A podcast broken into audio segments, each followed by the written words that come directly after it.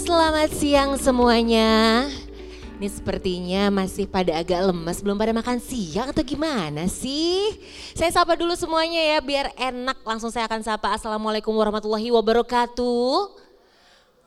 Alhamdulillah Uhti dan juga semua yang ada di sini. Salam sejahtera untuk kita semua. Perkenalkan nama saya adalah Nia Elvira dan hari ini saya akan memandu acara yang paling seru untuk sesi yang kedua yaitu di kelas For Better or Worse I Do brought to you by Permata Bank Preferred Wujudkan Rencana. Tapi saya dengan memohon tanpa mengurangi rasa hormat, kita boleh yuk kita ke tengah yuk biar lebih intimate, biar lebih nyaman, biar lebih enak mendengarkannya. Jadi boleh mungkin kakak-kakak ataupun ibu-ibu uh, nasabah Permata Bank, nasabah VIP, nasabah priority juga boleh silakan ambil tempat duduk yang paling depan dulu silakan. Masih udah di depan. Oke, bagus banget di situ. Keren, keren, keren. Silakan. Boleh silakan ambil tempat duduk paling depan dulu karena pastinya hari ini sesi kedua di Joy Stage ini adalah di acara Permata Wealth Wisdom 2019, the largest holistic wealth event in Indonesia dan hari ini khususnya di stage Joy hosted by Hard Rock FM. Boleh berikan tepuk tangan untuk Permata Bank. Terima kasih banyak. Dan pastinya saya lihat hari kedua ini ada beberapa wajah-wajah yang familiar. Kemarin saya di stage yang lain, hari ini saya di Joy Stage. Apakah semuanya sudah hadir dari hari pertama? Boleh tunjuk tangan teman-teman, Bapak Ibu semuanya. Nah di belakang saya pernah ketemu kemarin juga ya di stage yang di sana ya. Apa kabar? Semoga mendapatkan banyak insight dan juga dapat mendapatkan energi-energi positif ya.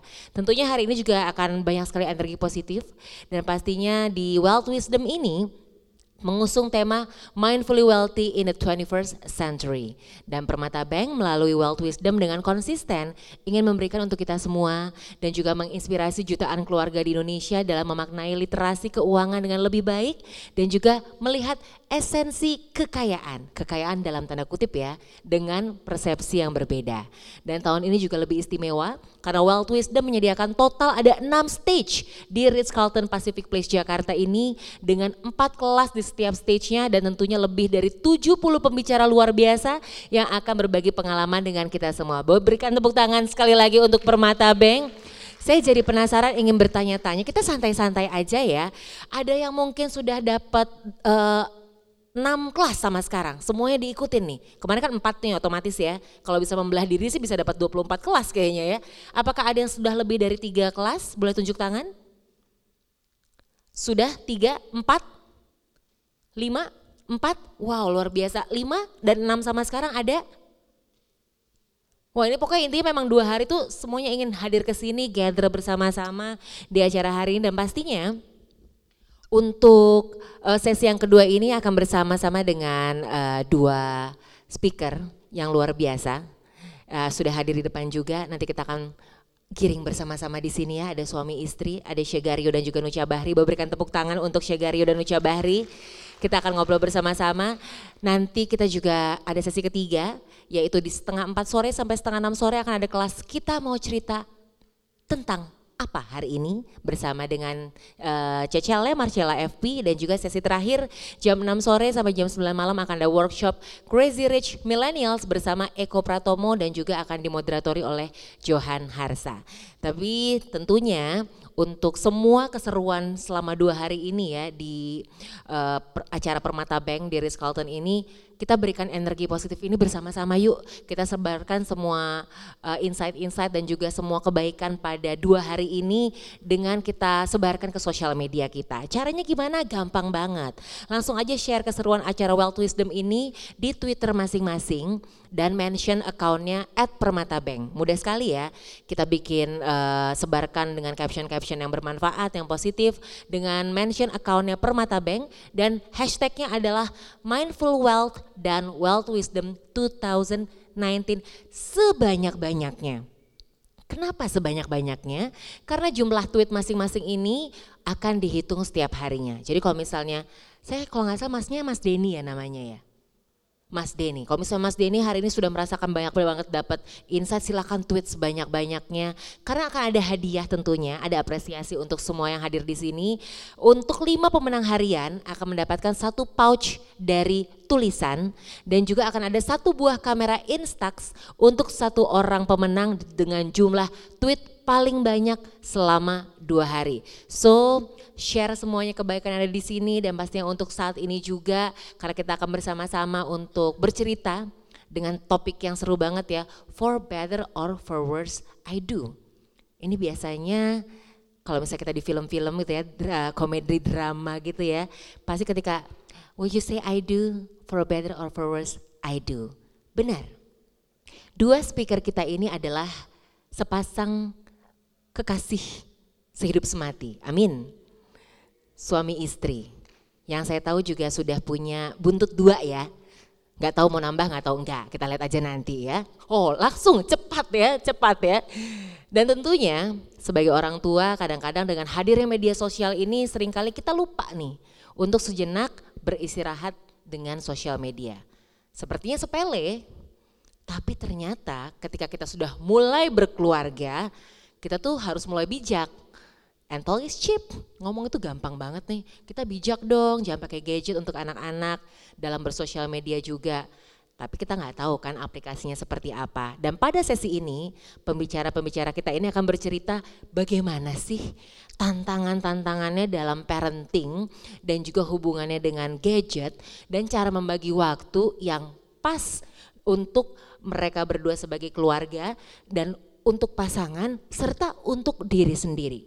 Nah, akan ada dua orang.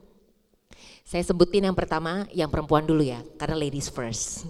Saya sudah kenal dengan beliau beberapa saat kemarin pernah bekerja juga. Beliau ini adalah co-founder of Parent Talk dan juga content creator.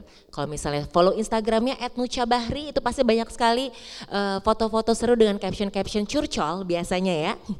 Dan pastinya Nucha Bahri ini sudah berlalu lalang dalam dunia banking hingga researching. Dan baru tahun lalu Nucha ini menemukan kayaknya gue pas nih dengan mendirikan Parent Talk ini.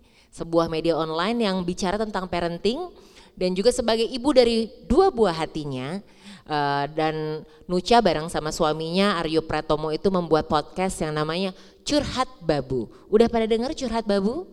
Sudah? Pada dengar? Yang belum berkeluarga pun mendengarkan luar biasa loh kalau menurut saya ya. Dan pastinya atau uh, berbagi tentang suka duka dari hubungan pernikahan dan juga jadi orang tua. Ini dari istrinya. Nah suaminya kalau kita buka Instagram kita pasti cek langsung Shegario. Yang kadang-kadang isinya tentang high tech, teknologi, tiba-tiba jadi founder Parent Talk. Ini agak-agak mungkin setelah jadi orang tua berubah ya semuanya ya. Dan Aryo Pratono ini memang dikenal sebagai cargo entrepreneur dan akhirnya menciptakan karya di bidang digital dengan kesenangannya untuk berbagi dengan sesama menghasilkan karya-karya seperti video It Talk Drive kemudian juga 2 Minute Tech Talk di YouTube dan podcastnya adalah 30 Days of Lunch dan Curhat Babu yang pastinya kita bisa dengarkan sambil berjalan-jalan ataupun kita sambil menunggu sesuatu gitu ya di Spotify, Apple Podcast dan juga Google Podcast. Tanpa berlama-lama lagi langsung saya kita panggilan ini dia Nucha Bahri and also Aryo Prato Pratomo.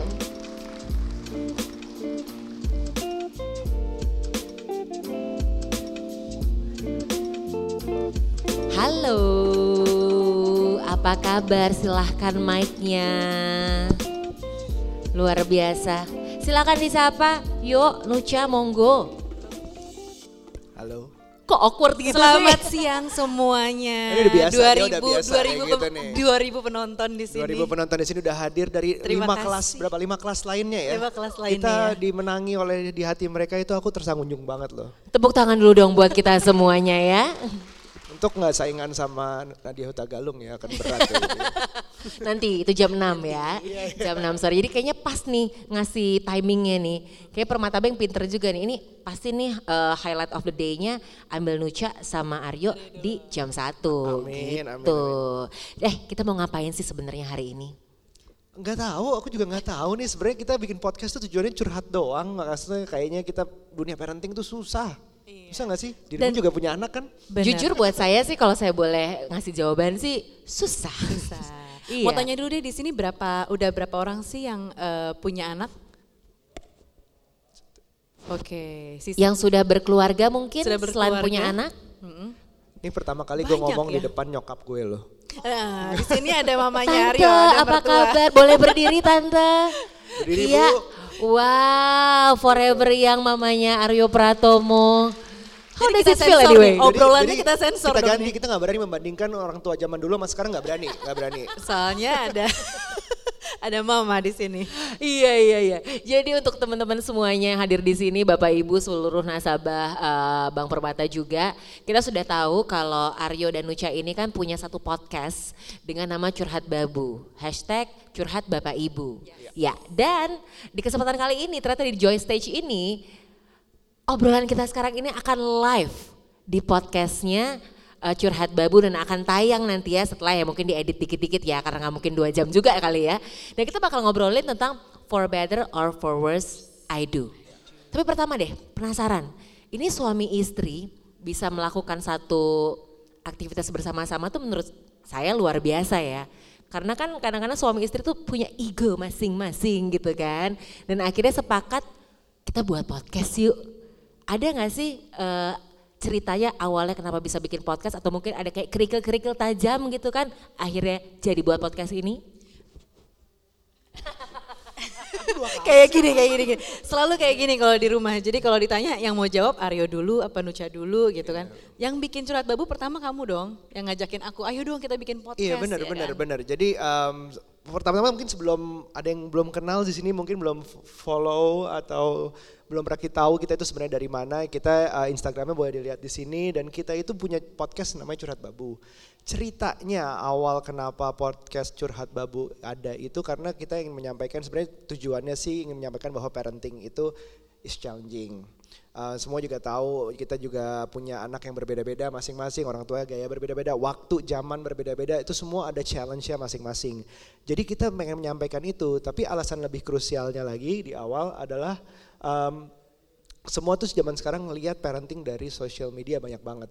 Jadi yang namanya goals, parent goals, uh, couple goals, uh, panutanku, semuanya tuh banyak banget. Jadi seolah-olah itu menjadi tujuan gue mau jadi dia nih kayak oh, parenting. Kita setiap kali dibilang kayak gitu kita nggak mau, please nggak mau. Kita baru tujuh tahun menikah hampir dan itu belum ada apa-apanya dibanding mungkin nyokap yang udah berapa bu? 35 berapa? 37 tahun gitu. Jadi kita tuh masalahnya nggak ada apa-apanya. Jadi kalau misalnya kita share, kita share apa yang kita tahu aja. Begitu dibilang udah langsung goal, sekarang beban banget gitu. Terus um, parenting itu challenging ya. Ini adalah cerita pertama kita kenapa curhat babu itu dibuat. Um, saya mulai content creating sejak 2001-2002 bikin blog tentang teknologi selama berapa tahun itu isinya full blog itu teknologi doang, nggak pernah bahas se- sedikit pun tentang kehidupan pribadi, privacy, maksudnya sama istri gimana, segala macam, percintaan gimana, semua itu cuman teknologi sama lucu-lucuan doang. Terus em, kalau yang udah dengar curhat babu mungkin tahu saya juga perjalanannya ini adalah pernikahan kedua saya. Saya pernah gagal. Dan itu em, beda banget sekarang pernikahan kedua. Kok saya ngerasa em, beda rasanya akibatnya berbagi itu rasanya lebih enak. Sharing di social media tuh lebih keluar. Walaupun perjalanannya itu susah jadi kayak em, saya tuh yang pertama pacaran nih jadi curhat. Ya namanya curhat babu curhat aja ya. Di sini berarti mendengarkan kamu curhat ya? ini dengerin kamu tentang mantanku lagi Oh, boleh ya? Aduh, boleh, boleh, boleh. jadi enam tahun pacaran tapi menikahnya cuma tiga tahun. Dan dalam tiga tahun itu tidak dikaruniai anak. Karena saya ada masalah dia juga ada masalah. Saya sampaikan waktu mau nikah ke dia ini aku pernah begini begini begini begini. Yakin ya masih mau ya? Masih mau kan? Masih mau so far. Ma, Ya, dengan uh, matanya agak menusuk ya. Yakin uh, masih dia mau nggak ya? bisa bilang enggak di panggung kan terus udah gitu em, karena udah tahu keadaannya adalah nggak punya nggak punya anak di sebelumnya saya ada masalah begitu kita menikah langsung tanpa tedeng aling lah istilahnya atau tanpa nunda kita langsung program langsung mau ini harus ada langsung nih ke dokter nggak kayak coba dulu lah kita lihat gimana sambil santai. Nggak karena gue ada masalah enam tahun eh, tiga tahun tuh nggak pernah dapat apa-apa akhirnya bener sama dia juga nggak gampang sama Nucha juga nggak gampang jadi kita ada proses yang namanya TTC, Trying to Conceive. Mungkin kalau udah pernah baca blognya Andra Alodita, Edward Suhadi, eh, Ferdi Riva, tuh semua tuh kayak perjuangannya tuh nggak segitu gampangnya. Atau istilah gampangnya adalah program hamil. Mungkin kan sekarang TTC itu udah jadi istilah kekinian nih millennials. TTC trying to conceive mencoba hamil atau yang masih common adalah program hamil? Biasanya kalau nggak punya belum punya belum berpikiran untuk menikah tuh pikir punya anak tuh gampang. Bikin anak tuh gampang, bikinnya enak.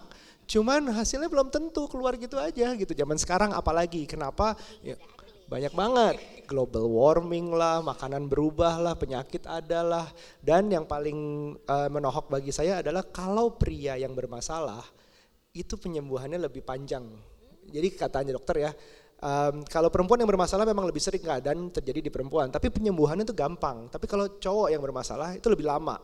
Jadi kalau saya udah terbuka dari awal, ya udah kita setidaknya mulainya lebih cepat lah untuk beresin. Mau gantian ngomong? Enggak. Okay.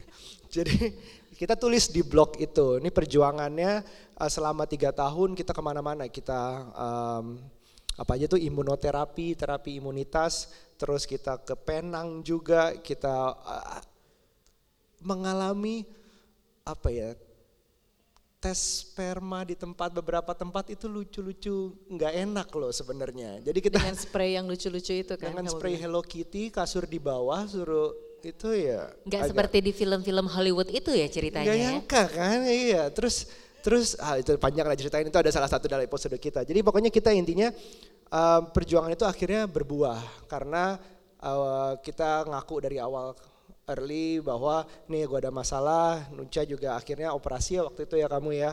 Uh, itu semua ada prosesnya, akhirnya kita dibuahi dua anak, dibuahi dua anak. Oke, okay, dikaruniai dua buah hati. Um, ini yang pertama, kehamilan pertama akhirnya dua garis biru yang nggak biru itu warnanya merah. Pokoknya hasilnya hamil dan terjadi lagi anaklah kedua itu juga gampang malah Gitu. Nah kita rasa cerita ini butuh dibagi dan satu akhirnya waktu itu aku taruhnya di blog, blog yang isinya semua teknologi sebelumnya akhirnya keluar tuh satu cerita yang sangat personal dan inilah satu-satunya yang boleh dibilang viral ya, nggak ada konten gue lain yang viral lah. Pokoknya ini viral terus akhirnya um, masih keep resonating banyak banget masalah ini nggak ada habisnya. Impact yang kita dapat tuh oh mas makasih ya mas. Saya udah lima tahun nyoba uh, menyerah terus akhirnya saya baca ini saya coba lagi dan berhasil. Gue berper, kita berperan di orang berhasil punya anak dikaruniai anak itu rasanya impact yang luar biasa banget. Lebih dari kayak sejuta followers sejuta subscribers rasanya satu yang bisa beranak karena gue kok salah kayaknya ya. Ya pokoknya gitu deh. Nah itu rasanya kena banget. Nah itu makanya kita wajib ngerasa punya obligasi masing-masing itu kayaknya ini harus kita terusin nih. Karena marriage ternyata masalahnya ini aja sebelum baru merit aja udah punya masalah. Apalagi ke depannya. Jadi kita bikin curhat babu. Persali apa ada derita. Ini bukan nuca ya by the way. Um, persali apa nak hamil tuh susah ada susahnya. Aku ngebayangin waktu kamu pijat asi, asi itu sesudah hamil ya berarti sudah, ya? Sudah melahirkan. Jadi hamil itu ada masanya, susahnya, hamilnya dia lebih enak tapi begitu melahirkan tuh sakit, pijat ASI bahkan ternyata lebih sakit lagi. Kalau yang belum pernah Pijat laktasi maksudnya? Ya, pijat laktasi. Oh iya. Susah, itu sakit banget kan? Lumayan. Lumayan. Jadi penderitaan-penderitaan kayak gitu tuh banyak yang harus orang tahu bahwa kalian gak sendiri gitu. Terus um, jadi perdebatan itu jadi banyak banget kan, apakah susu, terus begitu udah melahirkan susu ASI atau formula, berdebat. Terus banyak banget lagi, divaksin apa enggak ya, mitos fakta yang mana, tinggal sendiri apa tinggal sama mertua. Banyak banget dilema ini di pernikahan gitu. Itu sih alasan kita kenapa ngebuat dari yang berusaha, berupa sebuah trying to conceive story sampai yang kita harus pertahankan terus ini apa yang harus dibagikan gitu. Akhirnya dari curhat ini tahun 2017 ya kalau nggak salah ya bikin curhat babu. Curhat babu. Episode iya ya? pertama tuh tahun berapa ya? Kayaknya 2017. Iya 2017 sampai kalau misalnya scroll di Spotify tuh kayak udah panjang banget gitu kan ya. Episodenya sampai terakhir kemarin udah ada satu episode yang baru juga. Itu berawal dari curhat akhirnya kita semua yang mendengarkan tuh jadi addicted juga ya untuk mendengarkan curhat apa lagi nih suami istri ini nih berdua gitu kan. Jadi sebenarnya kita awal curhatin itu soal TTC ini pada lima tahun lalu mungkin masalah nggak punya anak, susah punya anak itu tabu banget dan cari informasinya susah banget. Kayak kita mau e, misalnya typing di Google gitu ya, cara cepat hamil atau misalnya dokter rekomendasi untuk hamil atau dokter fertility itu susah banget yang kita dapetin Tapi karena Andra Alodita adalah teman kita dan dia orang pertama yang menurutku sharing soal TTC, itu jadi membuka mata kita bahwa sharing aja kekurangan lo. Karena siapa tahu kalau itu berhasil justru kan bikin orang lain tuh yang cari informasi itu bisa ikutan gitu kan. Lebih bermanfaat buat orang lain. Jadi dari situ kita coba sharing kita coba buka walaupun misalnya orang-orang bilang kan malu ya kan? Kalau nggak istilahnya nggak punya anak mah itu malu susah punya anak itu malu. Tapi kita coba memposisikan kita juga di posisi itu gitu yang dulu sempat malu. Kita sampai nggak mau datang ke kawinan keluarga kawinan teman nggak. Karena malu nanti ditanyain gitu kan kayak lebih segan lah ditanyain. Jadi kita memilih untuk ya karena kan pertanyaan berdua. suka menohok ya. Uh, ah kebetulan adikku tuh anaknya sekarang udah umur 9 sampai mau 10 tahun tuh kayak apa ya mau kalah sama adiknya talk chair lebih talk chair gitu. Hmm. Oke, okay, terus mana kapan dong? Gak bisa ya? Kok nggak bisa nanya kayak gitu ya? Kayak maksudnya ya udah ya kita ada jadwal kayak sebulanan untuk dinner kayak setiap kali dia dapat untuk menangis bareng aja. Oh ya? iya, sampai segitunya. Jadi tapi sekarang kalau di sosial media kita lihat udah lebih terbuka mm -hmm. dan informasi untuk teman-teman yang lagi TTC itu tinggal by hashtag aja TTC. Itu banyak informasinya. Kayak misalnya dari makanan apa, diet seperti apa, olahraganya apa, ke dokter apa, udah semua udah dapat informasinya. Gitu. Jadi bisa dibilang curhat babu itu adalah evolusi juga ya hmm. dalam uh, hubungan percintaan kalian sebagai suami istri sampai akhirnya jadi orang tua dari yang mungkin dari menangis menangis, yang kenapa sih kita berdua dapat nasib begini sampai mungkin menjadi sepasang suami istri yang mindful kali ya. Iya. Karena kita pikir juga, um, oh udah berat nih perjuangan nanti begitu punya anak, udah deh cobaan udah lewat semuanya. Enggak masih banyak. Nah itu dia. Masih banyak banget anak-anak nggak mau makan lah macam-macam tuh ada yang kecil-kecil gitu hmm. akhirnya ada. Oke, seberapa penting nih untuk memiliki sikap mindful ya? Karena kita lihat kan perjuangan kalian berdua tuh memang luar biasa ya di era modern seperti ini. Karena kan kita nggak bisa pungkiri dengan uh, punya anak, akan punya banyak tantangan lagi, punya banyak kejutan lagi. Menurut kalian berdua sebagai suami istri dan sebagai orang tua menyikapinya gimana nih dengan sikap mindful ini? Apa? Mindful. Jadi orang tua bisa mindful apa enggak? Um, menurutku challenging banget untuk dua, menjawab Dua ya. aja dulu anaknya ya, nggak uh, nambah ya. Baru dua anak aja mau dibilang mindful. Mindful itu kan apa ya artinya? Um, berada di sini, ya, presence, ya kan? presence, presence ada di sini. Itu hal yang masih kita berdua sama-sama uh, work on it gitu kan. Work in karena, progress. Uh, karena belum gimana ya lagi misalnya nih kayak sekarang anak lagi sakit di rumah atau misalnya kita berdua lagi di kantor anak di rumah udah makan apa belum kita pesenin makan atau tanya ke mbak cek CCTV begitu juga ketika kita sudah di rumah aduh ada email kerjaan coba cek uh, Instagram ah gimana caranya biar bisa mindful gitu. Kayak kita mau liburan aja eh, mau nggak mau ada aja gitu pegang handphone ya kan foto-foto anak kita posting. Jadi um, dibilang mindful berada di sini belum. Susah ya. Belum benar gue juga nggak nggak tahu kenapa kita yang dipanggil di sini. Sebenarnya nggak ada nggak ada orang tua menurut gue yang selesai being mindful tuh nggak ada. Karena mindful it's a it's a journey it's a work in progress. Salah satunya Nucha juga bikin yang namanya parent talk um, uh, tadi aku bukan founder ya, aku dia yang founder nih benar-benar oh, sendiri. Oh iya iya iya, mohon maaf, mohon dia maaf. Dia ada partnernya juga, um, dia bikin parent talk. Jadi kamu um, parent talk tuh buat apa dia buat okay. dia belajar juga. Jadi uh, kenapa? Nah setelah perjalanan uh, apa TTC tadi yang aku pikir itu sangat relate dengan orang-orang yang belum punya anak, aku mencoba share informasi dan curhatan. Uh, abis itu ketika udah punya anak satu, aku bikinlah parent talk tadi. Coba balik dulu bab. Nah, Parent Talk ini sudah satu tahun delapan bulan. Jadi uh, aku bikin dengan partnerku. Parent ini sebagai uh, parenting platform untuk orang tua yang apa ya istilahnya imperfect parenting.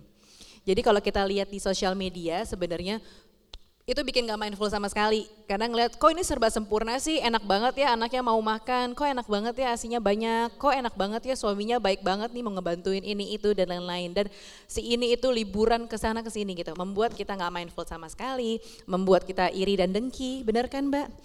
Exactly. gitu. Jadi aku buatlah uh, Parent Talk ini sebagai platform untuk kasih informasi yang sangat relate dengan eh, teman-teman uh, yang sudah menjadi parents ataupun belum menjadi parents, bahkan yang TTC juga. konten-kontennya di-create dari pengalaman aku sendiri kayak misalnya kasih tips ini dan itu tapi berdasarkan yang praktikal, bukan yang teori lagi. Gitu. Dan kenapa namanya parent talk? Karena kita yakin bahwa membesarkan anak itu tugasnya ayah dan ibu, bapak ibu berdua. Makanya parent talk bukan cuman ibu talk, misalnya mom talk atau dad talk karena memang benar-benar bikinnya berdua, buatnya eh bikinnya berdua, anak ngurusnya berdua gitu. Kita ingin membantu millennial parents ya. Ini khususnya millennial parents nih yang sekarang kelahiran eh, 80-an ke atas ya sampai 2000-an. Kita pengen mereka ini semua connect dan sharing cerita sama seperti yang aku lakukan juga. Saling menginspirasi, saling cerita gitu ya. Dan kalau kita lihat millennial parents sekarang itu keterlibatan ayah besar. Dan itu yang harus diapresiasi. Jadi konten-konten kita di Parent Talk ini banyak banget soal bapak gitu. Aku biasanya nanya nih ke Aryo konten-kontennya, eh me time-nya kamu apa sih? Aku jadiin konten. Setelah dijadikan konten, biasanya di kolom komennya itu banyak banget yang ngetek nih, si bapaknya ngetek tuh baca, tuh baca gitu. Jadi membuat para orang tua ini bukan cuma ibu-ibu doang yang butuh me time, bapak tuh butuh me time juga gitu. Jadi sama-sama menghargai, nggak orang tua itu kan nggak selalu tentang ibu, tapi tentang bapaknya juga. Nah sekarang aku lihat belum banyak uh, platform parenting yang ngebahas juga soal bapaknya. Yang kita bisa sebutkan misalnya ayah asi gitu kan. Tapi yang lainnya belum ada lagi, belum banyak gitu. Jadi kita bikin sebisa mungkin konten-konten bapak, suaranya bapak tuh kita kita salurkan di sini. Sekarang gitu. siapa yang lebih dekat sama ibunya daripada sama bapaknya? Siapa yang lebih dekat sama? Ibunya daripada sama bapaknya Oh. Oke, yang lebih dekat sama ibu berapa banyak? Mayoritas ya. Kayaknya lebih mayoritas, mayoritas. lebih dari 50%. Jadi alasan itu juga dibantu dari dulu bahwa saya lebih dekat sama ibu saya. Karena ngelihat itu justru saya pengen oh I wanna break the cycle. Yes. Jadi nggak mau gue nggak begitu dekat sama bokap, gue nggak mau gue nggak deket sama anak gue. Jadi I put in more effort. Sebenarnya bisa gitu, bisa juga dari bapak aja tuh udah deket pengen diterusin. Tapi kadang-kadang hubungan anak sama bapak angkatan kita nih ekstrim antara deket banget atau nggak deket sama sekali. Kebanyakan sih lebih nggak deket gitu, lebih deket ke ibunya. Makanya itu ada parent talk. Oke, terus kita coba reveal, kita coba sampaikan tentang imperfect parenting bahwa parenting itu nggak ada yang sempurna dan it's okay uh, to feel not okay gitu di konten-konten kita dan aku juga share di sosial mediaku selalu yang kayak gitu jadi nggak semua yang indah-indah aja gitu kan. Dan kalau misalnya kita tadi adalah millennial parents nih kita semua yang di sini adalah millennial parents Anak-anak kita adalah generasi alpha. Generasi alpha itu kelahiran 2011 sampai 2020. Jadi kalau masih ada yang berencana mau hamil gitu ya di tahun ini, tahun depan gitu, batasnya 2020 itu adalah generasi alpha. Mereka itu punya karakteristik sebenarnya. Banyakan plusnya sih. Jadi kayak misalnya nih mereka itu digital native ya, generasi paling terdidik katanya. Terus jumlah saudara kandung sebenarnya biasa biasanya lebih sedikit gitu karena mungkin orang tuanya udah lebih apa ya lebih fokus lebih concern untuk uh, punya anak satu atau dua lebih berkualitas gitu bisa bisa mengasuh anaknya sendiri. Kemudian uh, semuanya bisa dicari di internet di zaman yang sekarang ini. Tapi ada kekurangannya yaitu komunikasi verbal yang terbatas karena digital tadi. Jadi anak-anak kita nih semua bisa dibilang kemampuan verbalnya itu lebih eh, apa ya kurang daripada kita zaman dulu. Kita kan nggak ada dulu ya gadget, semua mainan sesuatu yang bisa kita buat sendiri, main dengan teman, lingkungan, komunikasi, ini itu sosialisasi itu oke banget zaman kita. Zaman sekarang anak-anak mungkin lebih introvert gitu karena asik main sendiri, gadget dan lain-lain. Ya kita tuh generasi yang belajar menggunakan gadget. Jadi umur berapa lah SD, SMP, SMA tiba-tiba ada telepon, iya itu dipakai gunain. Tapi kalau anak sekarang tuh TV aja berusaha di swipe. Karena dia berangkatnya dari handphone atau enggak dari iPad gitu. Oh, bisa di swipe begitu lihat TV juga bisa di swipe. Jadi di lahir udah ada teknologi. Makanya challenge-nya tuh sangat banyak. Ini anakku yang pertama nih, Aira. Dia eh, lahir udah ada yang namanya iPad dan lain-lain, udah bisa ngerti pilih nonton YouTube, udah bisa main game sendiri, sehingga mempengaruhi adiknya yang masih satu tahun Iya. untuk ikut-ikutan main gadget gitu. Jadi Kalau dulu masih bisa kita batasin banget Benar. gitu kan. Tapi karena ada anak kedua nih si adiknya kayaknya mangkisi mangkidu ya karena Mangkisi ya. Makidu ngeliatin Apalagi kakaknya. role model kakaknya ya. iya, Jadi kita banget. sering ditanya gimana sih cara memperkenalkan anak ke dunia digital? Sebenarnya ini kali pertanyaan yang kurang tepat menurut kita karena um, anak udah pasti kenal zaman sekarang, nggak perlu dikenalin lagi. Tapi gimana kayaknya mengarahkan ke yang lebih baik seperti apa? Challengesnya di anak-anak dunia alpha ini tuh kita ngelihatnya uh, overtime screen time. Kayaknya tuh yang kebanyakan banget ngelihat gadget akibatnya macam-macam tadi um, perhatiannya kurang, kayak suka nggak fokus, suka um, kebablasan, terus-terusan nggak bisa disuruh, nggak bisa udahan. Terus juga overtime screen time tuh juga menyebabkan yang namanya tantrum. Tahu kan Jack Jack kalau lagi marah jadi monster tuh anak tuh juga bisa berubah seperti itu gitu. Tantrum tuh dialami di umur paling sering sih di sekitar 1 2 tahun ya. Ya, dua tiga tahun lah. Dua tiga tahun, tapi bisa melebar kalau misalnya dia nggak ngalamin itu takutnya masih pasti akan mengalami momen tantrum guling-guling di lantai, pukul-pukul tuh pasti ada. Terus em, digital tuh bahayanya sekarang challengesnya adalah banyak banget konten yang kelihatannya untuk anak-anak, tapi sebenarnya bukan. Contoh tuh kayak Peppa Pig dibikin kayak Batman itu segala macem itu akhirnya isinya ya ada yang meninggal lah gimana kita menjelasin ada gambar Paw Patrol tapi menjelaskan menjelaskan dia meninggal ke anak yang umur 1-2 tahun. Tapi itu kartun kelihatannya aman kalau kita diamin di YouTube dia bisa bablas, dia bisa mengira-ngira sendiri artinya kalau kita nggak ada.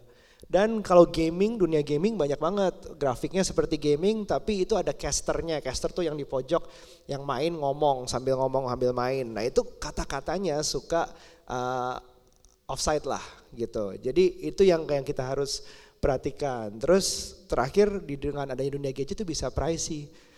Siapa siapa sih yang pernah um, temanku pernah cerita lagi tidur jempolnya diambil sama anaknya untuk beli aplikasi.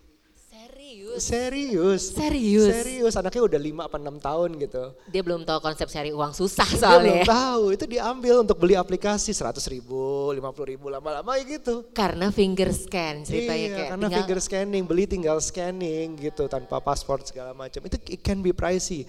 Bahkan beli banyak juga anak yang harus punya iPad sendiri gitu sekarang. Itu juga bisa jadi mahal kan. Terus kita bisa apa? Uh, overtime screen time itu kalau tips dari saya sih sebenarnya eh, ini beda-beda ya setiap orang bisa menjalankannya sendiri dengan caranya masing-masing. Kalau gue suka dengan di waktuin. Jadi kita punya handphone, dia punya barang, ada lagi main screen time, terus dikenalin dari awal konsep waktu. Jadi 10 menit aja ya, 5 menit aja ya, terus di handphone kita kita pasang timer, dikasih lihat ke dia timer. Terus alarmnya bunyi, ya udah udah berhenti. Pasti dia nawar, ah, belum lagi, ya udah 10 menit lagi ya. Lama-lama tuh pertama saya bisa sampai tiga kali tambahin 10 menit sampai akhirnya 40 menit, tapi sabar terus. Lama sekarang dia udah gampang banget setelah dua tahunan gitu, akhirnya dia gampang banget udah tahu dia saya perkenalkan ke iPad, saya perkenalkan ke apa namanya Switch juga, Nintendo segala macam TV itu ada waktunya semua, dikasih waktunya. Dengan dia melihat waktu yang bergerak selama berapa menit itu, dia jadi tahu konsep waktu sekalian kita ngajarin konsep waktu. dan jadinya gadget itu buat dia jadi precious ya ketika dikasih waktu 10 menit oke gue maksimalkan saja lah 10 menit itu. Bahkan kadang kita ngasih, ya udah deh eh, sebentar aja ya 15 menit, maksudnya kita lebihin gitu kan. Enggak 10 menit aja gitu. Karena dia udah Oh. terbiasa dengan 10 menit aja ya, 10 menit aja. Atau di, karena dia nggak tahu juga 10 menit sama 15 menit lebih lama mana. Iya Iya, sih, dia nggak juga iya bener ngerti. juga. Tapi dengan 10 menit dia akan terbiasa tuh kayaknya sampai gede. Main sebentar 10 menit, 10 menit gitu. Oke, tapi bapak sama ibunya 10 menit juga nggak megang handphonenya kalau kayak Nah, gitu. Itu, itu dia yang harus dibahas lagi nanti. Nah dari tantrum tadi, Iya. uh, tantrum itu adalah proses yang, ini mungkin Uca lebih cocok nih, tantrum itu apa tuh? Tantrum itu sebenarnya fase ya.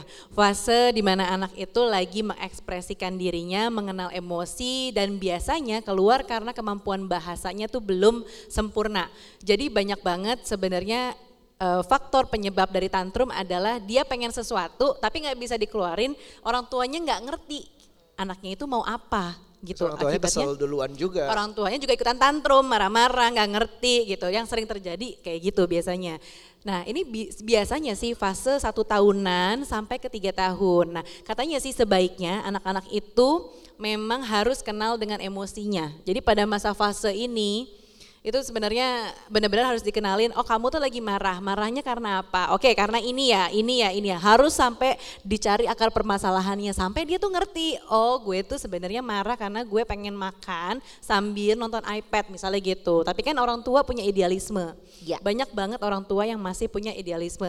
Aku juga tadinya idealis tapi begitu punya anak langsung rontok semua. Kendor semuanya Kendor ya. semua gitu tantrum tuh dibawa di kontrol sebenarnya. Jadi kayak Yes. misalnya yang paling susah adalah kontrol diri sendiri untuk nggak bikin kita tuh jadi marah. Karena marah di saat itu tuh anak tuh gak jelas banget em, pukul-pukul. Jadi tantrum sekali ya waktu itu akhirnya pertama kali ingat adalah kita pulang lewat em, suatu jalan yang ada jualan balon. Em, kita kita ala balon doang tadi tadi udah beli apa gimana gitu pokoknya nggak usah belilah kita pulang aja nangis 40 menit kalau nggak salah Solusinya apa? Ya kita play along, kita ikutin. Ya udah beli balon. Tadinya balon di dekat McDonald's itu harganya 15.000 ribu, terus kita ke situ orangnya udah nggak ada lagi dalam 30 menit. Terus kita pindah ke balon kayak yang balon party gitu harganya 50 ribu. Oh oke emang harusnya gue ikutin dari awal ya. Nah, jadi pelajaran buat kita. Oh, jangan jangan eh, apa ya? Sebisa mungkin coba meng apa ya? artikulasikan keinginan dia. Cuman perkara balon waktu itu ada yang sebenarnya lebih murah sih. Pada akhirnya ujung-ujungnya kita harus beli dengan harga yang lebih mahal gitu. Tapi itu pelajaran banget karena pertama kali anakku tantrum tuh di situ dan Bukan- pelajaran buat kita Iya. juga gitu ya. Ini bukan berarti kita harus nurutin semua maunya Nggak, ya, iya, tapi nggak. dalam hal tantrum itu uh, kita give in deh, silahkan. Bukan give up, give in, ngikutin dulu. Karena biasanya mau- maunya tuh nggak ada yang wah kok minta beli, minta keluar negeri lagi tuh nggak ada. Nggak ada. Biasanya maunya yang Belum standar-standar. mungkin sebenarnya ya. Belum, belum. Tapi tantrum itu sebenarnya yang marah tantrum itu anak sesudah tantrumnya lewat bisa mengerti emosinya dan dia bisa lebih negosiasi justru. Believe me deh saat tantrum itu saat-saatnya anak tuh harus kayak diturutin aja deh di play along gitu. Itu nggak akan selamanya mudah-mudahan. Dan kalau ini caranya em, kalau kita menghadapi konten yang nggak cocok untuk anak, kalau saya sih saya lead the way dengan bilang eh, ini konten-konten yang bagus justru. Jadi nggak nunggu dia nemu eh, kontennya sendiri, tapi kita udah suapin konten. Ya mungkin ini nggak ideal ya, tapi beberapa yang gue kasih adalah em, kita terpaksa mendengarkan lagu Let It Go sekitar sejuta kali, itu diterima aja dulu. Sekarang lagi lagu berubah ke Speechless-nya Aladdin. Tapi Peppa Pig, Ping Fong itu masih konten-konten yang aman di awal. Kalau bisa Ping Fong malah bagus, kita sambil joget-joget depan TV segala macam sama anak. Peppa Pig mengajarkan konsep keluarga, ada berempat. Akhirnya dia minta adek keluar deh, gitu. Jadi Contohnya. benar, anakku yang pertama itu karena saking seringnya nonton Peppa Pig, di Peppa Pig itu ada tokoh eh, bapaknya Peppa, ibunya Peppa, Peppa dan adiknya Peppa, Uh, uh, George. Nah di situ tuh anakku yang pertama ini dulu tuh pengen ngikutin terus apa yang George ini bilang gitu. Dia pengen, kayaknya dia pengen punya adik gitu. Terus dalam hatiku deg-degan juga ya kalau punya adik dalam waktu dekat gitu. Gak taunya benar. Terus begitu Frozen juga sama. Ini kan konsepnya kayak siblings ya, adik kakak, kakak, berantem gitu kan sama-sama perempuan. Jadi sampai sekarang pun eh, kakaknya ini coba menyayangi adiknya sama persis kayak di Mm-mm, kayak di Frozen ini gitu. Berarti kalian berdua sebagai orang tua tuh bisa menjaga intimasi antara real life dan juga digital life ya. Iya, ditemenin sih bener-bener kayak ditemenin. Jadi kayak um, nonton itu ya disambilin sambil sambil colongan tuh dia mandi tuh dia suka mandi tuh gitu. Jadi kayak ya udah susah susah mandinya ter Misalnya lagi malas mandi sekalian, gitu ya. colongan, pesan sponsor gitu. Itu dia tuh baik sama adiknya gitu. Yang kita temenin kayak gitu. Tapi nggak menutup kemungkinan juga sih sebenarnya nggak selalu semuanya itu sempurna begitu ditemenin eh, apa anak itu akan mengerti ngambil yang baik-baiknya aja. Misalnya contoh gini, pada saat kita lagi nggak ada di rumah, si Mbak yang nemenin nonton. Ya. Nah itu kan nggak bisa dikontrol. Kecolongan Kemampuan ya bahasa pasti ya. Mbak dengan yang ada di subtitle di TV itu kan beda ya, Ya. gitu kan. Jadi ada message yang salah dari eh, film dari tokoh itu nyampe ke anak. Untungnya anakku nanya, ini kayak gini ya eh, bapak ya gitu. Oh siapa yang bilang? Mbak gitu. Untung dia jujur. Terus kita coba sampai enggak bukan seperti itu. Ini tuh begini. Kita lurusin. Jadi terus habis itu kita kasih tahu si Mbak. Pokoknya support system yang ada di rumah kita kasih tahu. Tolong jangan misalnya tolong jangan ngomong yang kasar ke anak. Tolong kalau yang tontonan kayak gini jangan ya di skip aja atau apa. Pokoknya kita selalu kasih panduan ke anak-anak. Sebisa mungkin lingkungan itu di rumah yang dia sehari-hari ketemu dibikin lebih aman sih. Itu sih. Terus yang terakhir kalau privacy sih em, ada di bagian mindsetnya. Jadi perlu diketahui bahwa uh, fingerprint penting, tapi jangan sampai tidurnya terlalu deep terus diambil jarinya juga sih. Tapi bilang bahwa ini iPad saya bapak ya, ini handphone bapak ya, Aira boleh pinjam, Cua boleh pinjam. Jadi konsepnya adalah pinjam, jangan sampai dibeliin khusus buat dia padahal umurnya belum. Mudah-mudahan nggak kejadian ya, ini masih panjang. Tapi um, dari awal udah dibilang mindsetnya bahwa ini punya kita. Boleh pinjam tapi ini punya kita. Balikin ya 10 menit ya gitu-gitu segala macam. Bukan ini Aira terserah deh mau ngapain. Ini punya Aira. Oh ulang tahun selamat nih punya Aira gitu. Maunya kita adalah ngampein bahwa this is mine gitu. Kamu punya mainan sendiri, yaitu yang nggak berhubungan dengan digital gitu. Jadi kayak ya permainan anak lah gitu yang fisik. Itu tujuannya kita di situ. Dan yang terakhir, ini kan udah tadi ya kita kita rangkum on time yeah. screen time dibikin jadi time it. Um, tantrum di play along terus not for kids bikin lead the way kasih konten duluan dan kalau pricey marking your territory aja dulu sih. Satu lagi yang paling penting tadi yang ditanya bapak ibunya 10 menit apa enggak biasanya Apple doesn't ini anakku by the way dua-duanya Apple doesn't fall far from the tree. Jadi kenapa anak pengen gadget? Karena orang tuanya ngegadget terus itu udah pasti banget. Anak tuh di umur segitu tuh mimicking. Kadang-kadang itu kita sampai kayak kalau ini Aira, ini saya, saya lihat gadgetnya di sini. Oh iya iya, terus gimana? Terus gimana? Karena serius ya? Iya. Kayak selingkuh gitu dari anak.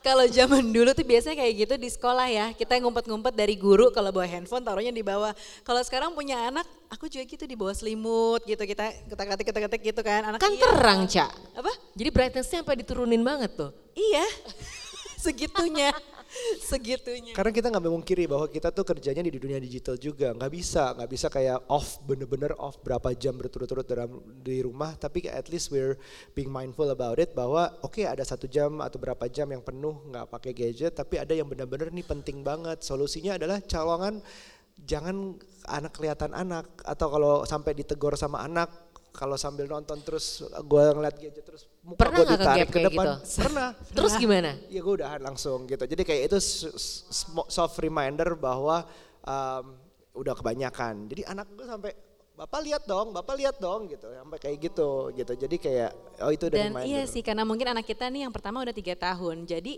dia udah bisa mengungkapkan sampai dia suka marahin kita juga yang ibu udahan dong main handphonenya, aku kan lagi pengen ditemenin gitu. Dia bisa mengungkapkan kayak gitu. Lah matiku uh, bagus sih. Makanya kita bukan sih. contoh yang benar-benar banget sih. Jadi untuk uh, keluarga kalian adalah grow up together ya jatuhnya ya. Jadi learn from each other juga di mana mungkin ketika anak-anak ah masih kecil nih akhirnya masih tiga tahun ternyata dia bisa ngasih tahu loh dia bisa mengingatkan di mana itu malah serasa touche banget kali gak sih buat kalian jadi orang tuanya? Tusuk banget tuh sama anak rasanya digituin tuh. Kayaknya emang emang um, proses lah proses. Kita nggak bisa bilang kita udah mindful tapi we're work in progress. Oke okay, nah sekarang berbicara tentang gadget. Berarti kan Aira dan adiknya tidak uh, tidak di stop banget loh, maksudnya tetap ada lah screen time masih ada. Nah sejauh mana privacy yang diberikan dari orang tua untuk anak tentang si gadget atau sosial media itu sendiri? Karena kan Aira adiknya siapa nama adiknya sorry? Shua. Ya, Aira sama Shua kan uh, adalah beberapa dalam Instagram kalian berdua tuh sering banget tampil sering, kan, ya, sering ya. banget tampil dan itu adalah wujud kebahagiaan Bahagiaan. orang tua yang bukan pamer emang this is saya yeah, sayang yeah, sama yeah. anak saya gitu saya pengen ngasih tahu kalau atau misalnya anak saya sakit saya pengen kasih tahu nih saya pengen sharing atau mungkin ada yang bisa bantu kan bisa nanya apa gitu kan hmm. tapi kan kadang-kadang privacy seperti itu sekarang bias ya sekarang bias ada juga yang kalau nggak suka ada yang bilang kok kayaknya uh, over ini sih over exposure nih ke anak iya, gitu kan. sharing. Jadi uh, sebenarnya tuh ada idealnya untuk sharing uh, cerita soal anak. Katanya kalau bisa jangan tunjukin muka anak gitu kan. Ya. Terus uh, apa namanya kalau bisa sih yang difoto adalah karyanya si anak bukan si bukan mukanya si anak. Cuman buat kita ya kita sepakat berdua karena kita orang tuanya nggak apa-apa kita tunjukin foto anak-anak kita. Karena kadang-kadang kan rasa bahagia dan senang atau bangga akan anak-anak kita nggak bisa ke pendam gitu ya. Ya udahlah kita posting tapi ada hal-hal yang memang aku sangat batasin. Ke iya. Aryo terutama karena dia suka ngevlog di YouTube gitu ya suka bikin video. Jadi aku batasin banget. Misalnya yang pertama soal privacy rumah. Jadi isi rumah sebisa mungkin itu nggak ada di dalam video-video. Jadi uh, misalnya lokasi kayak pintu pagar nomor, uh, plat mobil gitu. Itu aku sangat menjaga privasinya. Jadi aku sampaikan ke Aryo, nggak apa-apa nge-vlog tapi tolong hal eh, hal-hal yang seperti itu jangan sampai keluar di video atau dari sosial media. Kedua, masalah sekolah anak jangan sampai ngetek lokasi sekolah anak tuh di mana. Atau atribut kayak pakai seragam apa gitu ya yang ketahuan nih kira-kira oh anaknya sekolah di sini ya misalnya seragamnya kotak-kotak ini. Orang juga tahu itu sekolahnya di situ gitu kan. Jadi sebisa mungkin agak di blur-blur atau dibiasin lah gitu. Jadi nggak kelihatan eh, apa namanya informasi detail soal sekolah gitu. Kadang kan iya. ada orang tua yang sharingnya sekolahnya di mana. Sebenarnya sih sekolahnya pun aku yakin uh, punya security yang sangat aman. Cuman kan tetap aja ya ada nggak semua orang itu baik di sosial media menurut aku. Jadi kita harus membatasi duluan gitu. Itu idealnya. Tapi kita kembali lagi ke pribadi orang tua masing-masing yeah. dan anaknya. Ada yang sama sekali nggak mau di share tentang anaknya, apalagi selebriti misalnya ada karena istilahnya tuh sharenting ya. Sharing. Share uh, share di dunia parenting itu, mm -hmm. itu juga nggak apa-apa. Itu mungkin nyamannya seperti itu ya nggak apa-apa kalau sharing banyak itu ya batas-batasnya yang pikir security dan banyak haya predator di luar aja ya tadi satu lagi belum disebutin adalah anak lagi mandi lagi berenang itu juga hati-hati ya Mungkin sebaiknya kita, pakai baju normal lah gitu hmm. nggak nggak sampai yang nggak pakai baju ya. gitu lucu hmm. sih emang ngelihat anak-anak ya. yang nggak pakai baju kan kayak ginu-ginu gitu kan badannya cuman ada bagian dari mungkin ya, mungkin kita ya. sexual orientationnya normal tapi hmm. ada juga di luar sana yang nggak tahu apa. Itu idealnya. Tapi terserah dikembalikan lagi ke orang tua seperti apa anaknya juga seperti apa. Biasanya kita berbagi sih tujuannya memang sharing happiness dan bukan berusaha nutupin yang jelek-jelek juga. Kita berusaha share tapi bukan kayak over dramatize keadaan bahwa kita tuh jual derita. Bukan sebenarnya tapi orang kita kadang-kadang share itu tahu bahwa kita berat di sini dan mudah-mudahan uh, juga jangan dianggap fun aja ini parenting gitu. Dan yang terakhir sebenarnya kita sangat menghindari curhatan seputar rumah tangga di sosial media. Karena kan banyak banget nih sekarang saking mungkin pribadinya susah untuk uh, menceritakan atau curhat ke teman atau keluarga terus dikeluarkan di sosial media. Terus nah, curhat babu kayak, Kalau curhat babu kan itu masih di ini ya, sensor-sensor. Oh ya terakhir badan sensor saya adalah dia. Jadi Oh, sensor. Jadi kayak oke okay, yang ini keep, yang ini jangan yeah. nanti iya. takutnya nanti nggak aman ya. Iya, yeah, iya. Yeah. Soalnya banyak yang suka nulis misalnya di Instagram story kayak gitu-gitu. Nah, itu kan sebenarnya mungkin apalagi yang terkait dengan misalnya hubungan suami istri atau misalnya dengan orang tua atau mertua itu kan sensitif banget ya. Betul. Nggak semua orang iba dengan cerita kita. Siapa tahu ada yang jadi jadinya iri atau kayak jadi nyukurin gitu kan, syukurin loh, syukurin loh gitu kan. Dan kita juga menghargai anak temen biasanya. Jadi kalau ada sama anak temen mau share kita izin dulu gitu kayak cuman walaupun Instagram Stories boleh nggak gue share? Udah as simple as that aja. Kalau biasanya teman kebanyakan sih nggak apa-apa. Tapi ada yang enggak ya kita hargai itu ya udah kita share foto anak kita doang gitu. Dan juga tuh batasan misalnya anak baru lahiran uh, misalnya anak teman baru lahiran atau anak saudara biasanya kita tanya dulu ini boleh diposting nggak? gitu. Karena kan orang tua baru biasanya lebih sensitif ya untuk sharing uh, foto bayinya. Terus belum tentu dia mau anaknya ada di sosial media belum tentu dia pengen uh, ya pokoknya detail soal si anak gitu karena itu harus ada apa istilahnya konsen uh, konsen dari si orang tua gitu. Jadi terutama soal anak uh, jangan asal posting deh, harus ditanyakan dulu ya ke orang tuanya. Nah itu dia kadang-kadang kita suka kelewatan ya karena mungkin kita berusaha untuk iya kayak teman kita sahabat kita nih lahiran duh kita pengen share the world gitu kan pengen ternyata gendong. anak kita uh, teman kita gue kan belum bilang malah sama keluarga yang di sana takutnya kan kelewatan sama kita gitu kan. Oh iya juga ya. Dan ini membuat kalian sebagai keluarga ini berempat gitu kan sudah merasa cukup belum sih? Sudah merasa kaya belum sih? Bukan kekayaan dalam nominal rupiah ataupun dolar ya? Apa ya? Um, sebenarnya kaya, miskin, is a state of mind sih dan juga it's relative and subjectivity ke setiap orang juga. Gue nggak pernah bisa bilang bahwa um, entah kenapa zaman sekarang kayaknya bangga ya ada ada kata-kata sobat miskin tuh juga. Oke okay, kayaknya gue nggak mampu beli ini sobat miskin mah ini aja. Ya nggak apa-apa sih kalau nggak mampu maksudnya memang ada itu rezeki masing-masing tapi kok kayaknya bangga gitu menunjukkan state of lo kaya apa lo miskin. Um, kalau aku sih lebih berpikir bahwa uh, kalau secara financial nggak ada utang tuh udah udah lumayan. Tapi kalau secara hati atau mindfulness ini um, aku sudah cukup bilangnya. Sama sih aku juga. Jadi kalau kekayaan menurut aku perasaan konten atau perasaan sudah lengkap Cukup dengan uh, suami baik, anak-anak sehat, orang tua sehat dan baik, itu udah udah apa ya, udah satu kekayaan yang mungkin sebelum-sebelumnya terasa kurang sih.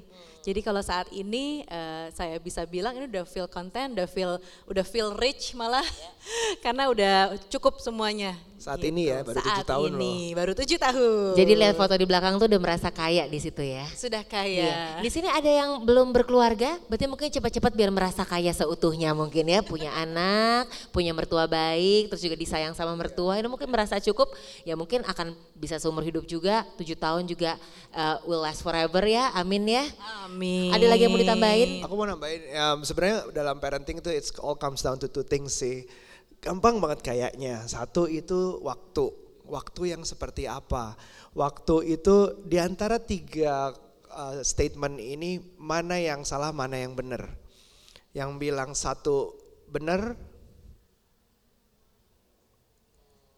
nggak ada. Ibu bekerja. Kita cari yang salah deh. Tidak gitu. punya gitu. waktu dengan anak. Ada yang bilang salah? Saya jadi benar semua. Jadi kok jadi Kedua, Karena saya semakin kerja. banyak waktu dengan anak semakin baik. Benar, ya. salah. Ya. Kadang-kadang mungkin yang nomor dua ini ya, semakin banyak waktu dengan anak, kadang-kadang kita juga jadi semakin emosi kadang-kadang juga ya. Terus yang ketiga, orang tua yang baik adalah yang waktunya didominasi oleh anak. Mana dari ketiga ini yang menurut, ya tebakan menurut gue lah ya salah gitu. Menurut gue tiga-tiganya salah sih. Jadi sebenarnya bukan kuantitas sama sekali bukan kuantitas. Um, kita sebagai orang tua pertama butuh our time oh, sebagai orang tua makanya kita pengen banget selalu ada date night minimal seminggu atau dua minggu sekali. Bener-bener cuma masih berdua. Sampai sekarang. Masih sampai Wow, sekarang.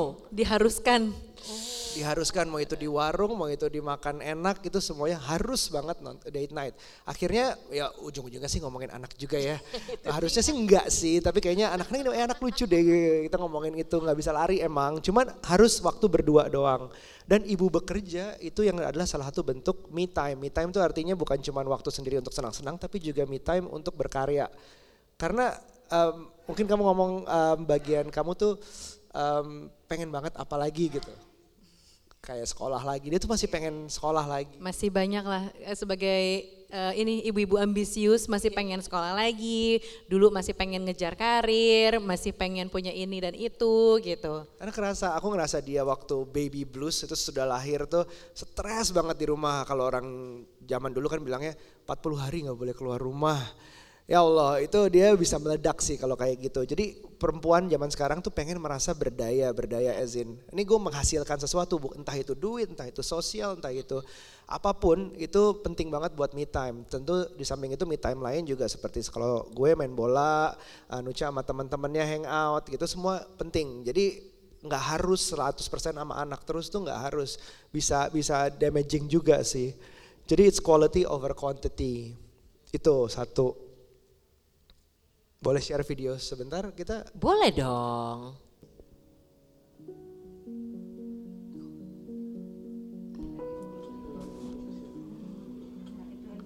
Yang ganjil keluarin bu, yang ganjil keluarin bu. Terus terus terus. Ya, hebat, yang ganjil keluarin bu, hebat, hebat, hebat, hebat. Hebat, hebat. Lagi.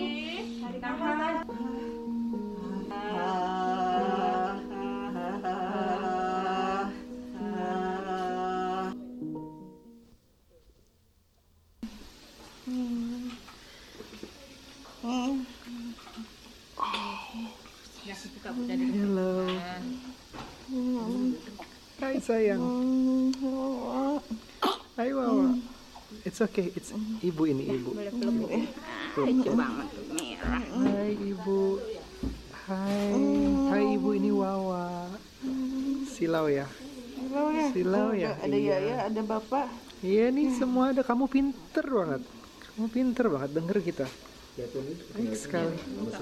Jadi sedikit aja ini adalah um, lahirnya Shua, anak kita yang kedua. We always do this, we do uh, kita bikin How are you, Bu? Kita bikin vlog um, mungkin Gimana banyak rasanya? rumah sakit yang melarang bahwa rekam lah segala macam. Coba we insist. Ini saya rekam sendiri. Kebetulan gue vlogger juga suka ngerekam ini dan ini adalah momen paling berharga. Kenapa? Bukan cuma buat kita karena ini kita sering replay ini di saat anak itu sudah um, bisa mengerti. Kita cerita lagi, kita cerita lagi, kita cerita lagi. Rasanya setiap ulang tahun kita bikin juga gitu. Momen bahwa untuk melihat ini lagi ceritanya. Ini time, time, these quality times that matters the most. Bukan quantity, bukan banyaknya waktu, tapi hal-hal seperti ini. Gitu. Dan nggak bisa balik lagi. Sadness is knowing that you can't turn back time. Itu aja. Those quality valuable time yang nggak akan balik lagi. Itu yang menurut gue mahal banget. Terus yang kedua, yang kedua mungkin gampang-gampang susahnya love. Love, um, oh, gini, siapa yang sudah menikah? Siapa yang lebih cinta anaknya daripada pasangannya? oh, Mohon maaf suami saya nggak ada di sini kan ya?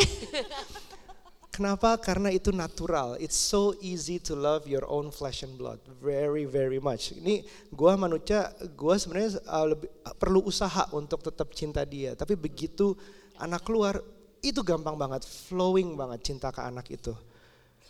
Loving your own, eh, harusnya gampang kan?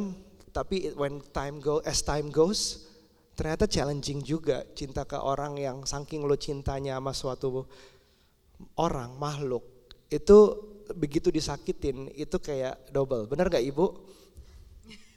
Jadi ada satu video lagi.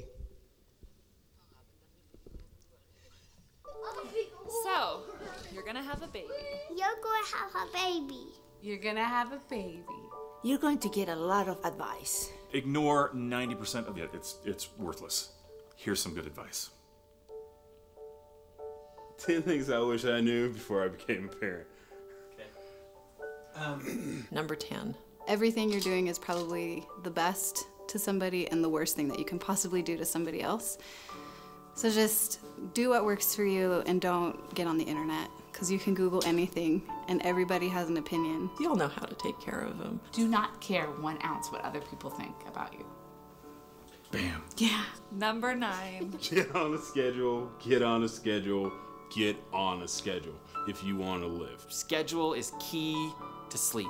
Schedule. Number eight. Everybody leaves this out. So parenting is hard. You can't. Sometimes you just can't handle it. Take just an hour. Go to grandma's, drop the baby off, go get some ice cream, take a 20 minute nap. Make a date night once a week and don't skip it. Number seven. this is important. Instead of having to like mold them to what you want. Discover who they are and let them let them be. Number six. Be prepared for the unexpected because it will happen. Like maybe the possibility of having twins.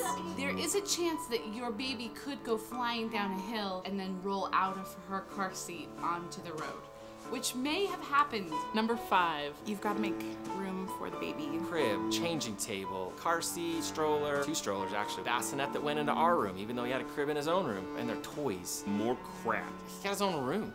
He's five pounds, he has his own room, right? Like, I don't have my own room. Number four, you're going to look back and you're going to say, I wish those times would come back. So keep them, don't give them all away. They'll only wear it once but you'll keep it forever. Memories are the only thing that you have left after all this said and done. Number three, be grateful for your kids. Be grateful! Things that you aren't prepared for can turn out to be good things in the end. Oh, yeah.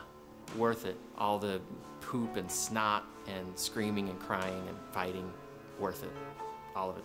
Totally worth it. Cherish every single minute. We would never have asked for the challenge, but we were so grateful for what she taught us. We're grateful every day for her life. The best thing that ever happened to us. Number two, don't be too hard on yourself. It's gonna be okay. Some days you're just not gonna have a lot of patience, and that's okay. It really is all just spilled milk. The house can wait.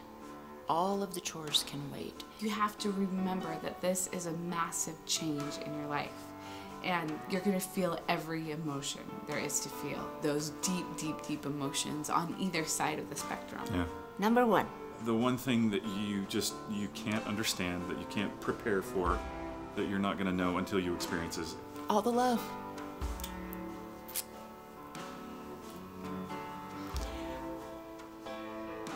be prepared to love something more than you ever thought you could because because you haven't you haven't yet. And it will be the best thing that you've ever done in your whole life? If I wasn't a mom,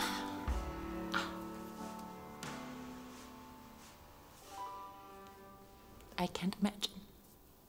It's been too wonderful. Just relax. You're gonna be great, hopefully. Kejam loh berdua deh kayak gue Gitu ya. Aku juga nonton berkali-kali Ada yang ini. nangis juga mungkin kayak saya. Boleh tepuk tangannya buat Luar video biasa nih.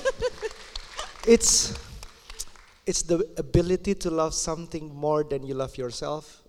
Itu breathtaking banget sih. Di saat anak gue lahir, gila ini bisa bikin gue lebih cinta dari Nucha, lebih cinta dari diri sendiri. Hal kecil ini gitu. Kecil banget begitu baru lahir. Every parent pasti udah ngerasain momen itu.